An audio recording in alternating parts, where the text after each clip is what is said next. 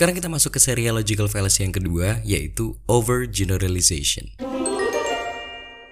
Overgeneralization adalah kesalahan berpikir di mana seseorang itu membuat kesimpulan umum berdasarkan data yang terlalu sedikit atau pengalaman yang sangat-sangat terbatas. Penggunaan logical fallacy ini tuh biasanya malah ngebuat penilaian yang tidak adil atau stereotip terhadap kelompok atau mungkin situasi tertentu tanpa pertimbangan yang memadai. Nah, Overgeneralization atau biasa disebut dengan hasty generalization itu biasanya disebabkan oleh beberapa situasi. Salah satunya adalah karena orang tersebut itu terlalu emosional atau mungkin terlibat secara pribadi dalam sebuah bahasan di diskusi.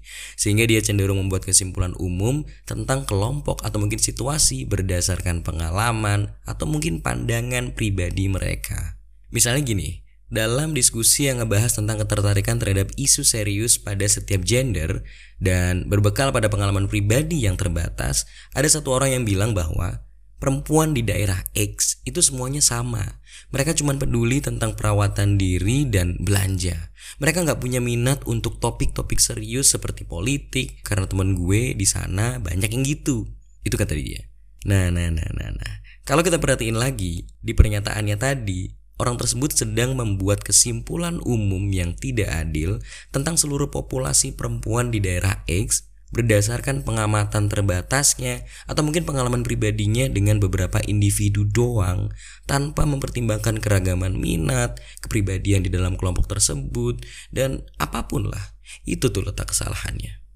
Overgeneralization itu juga terjadi ketika seseorang gak punya cukup informasi atau pemahaman yang memadai tentang topik yang sedang didiskusikan. Misalnya, dalam diskusi tentang budaya vegetarian, ada satu orang yang masuk dengan narasi, gue ngerasa kalau semua orang India itu pasti suka yoga dan hidupnya tuh selalu vegetarian.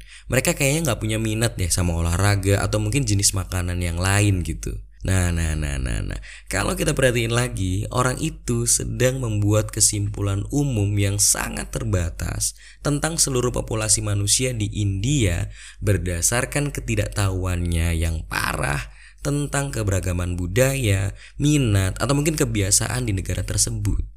Tapi gini ya, Meskipun overgeneralization itu seringnya dilakukan tanpa sengaja, mungkin karena keterbatasan si pembicara, kadang-kadang overgeneralization ini juga sengaja dilakukan untuk membuat sensasi yang retoris dalam satu diskusi. Biasanya, mereka menggunakan cara ini untuk membelokkan persepsi agar bisa memengaruhi keberpihakan peserta diskusi.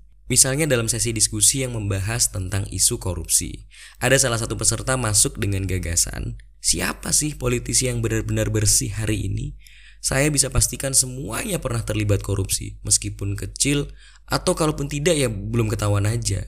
Nah, dalam pernyataannya tadi, si orang ini tuh sengaja untuk membuat kesimpulan umum yang sangat negatif tentang seluruh politisi dengan tujuan untuk mencari sensasi via retorika. Nangkep kan?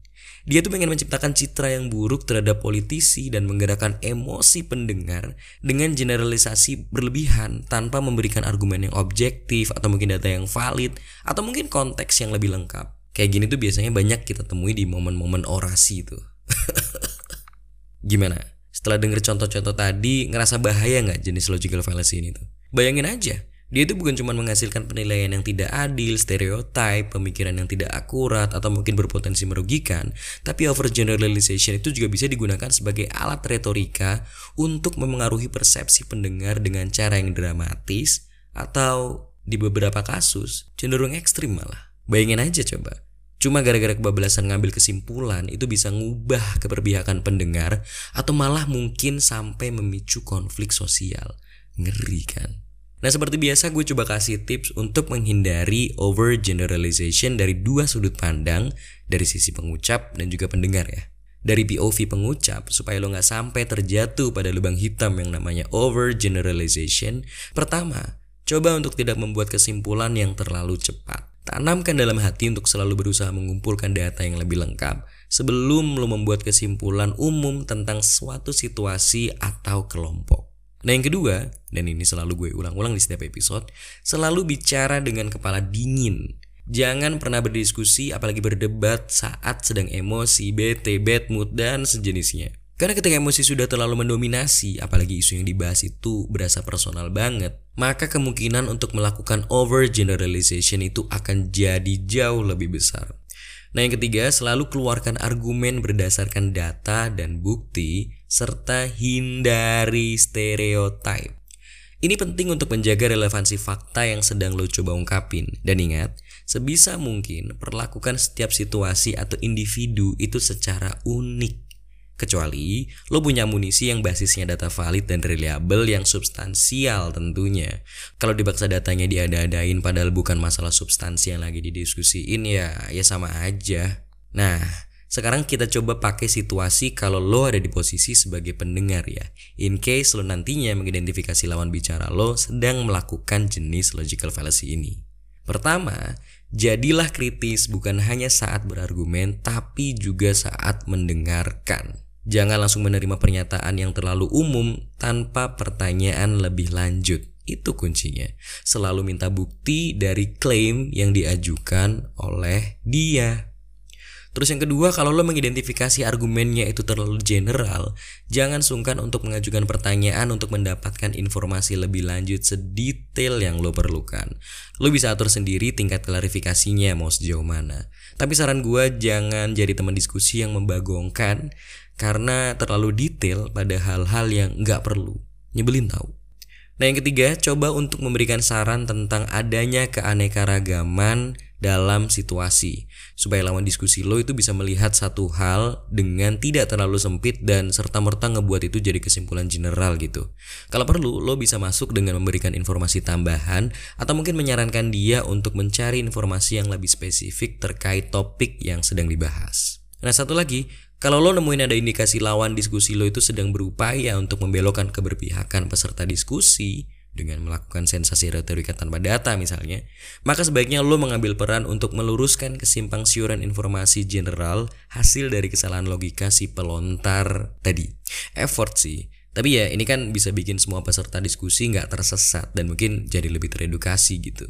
Itu sedikit tips dari gua yang lo bisa gunakan supaya diskusinya itu bisa terbebas dari logical fallacy dengan jenis over atau hasty generalization.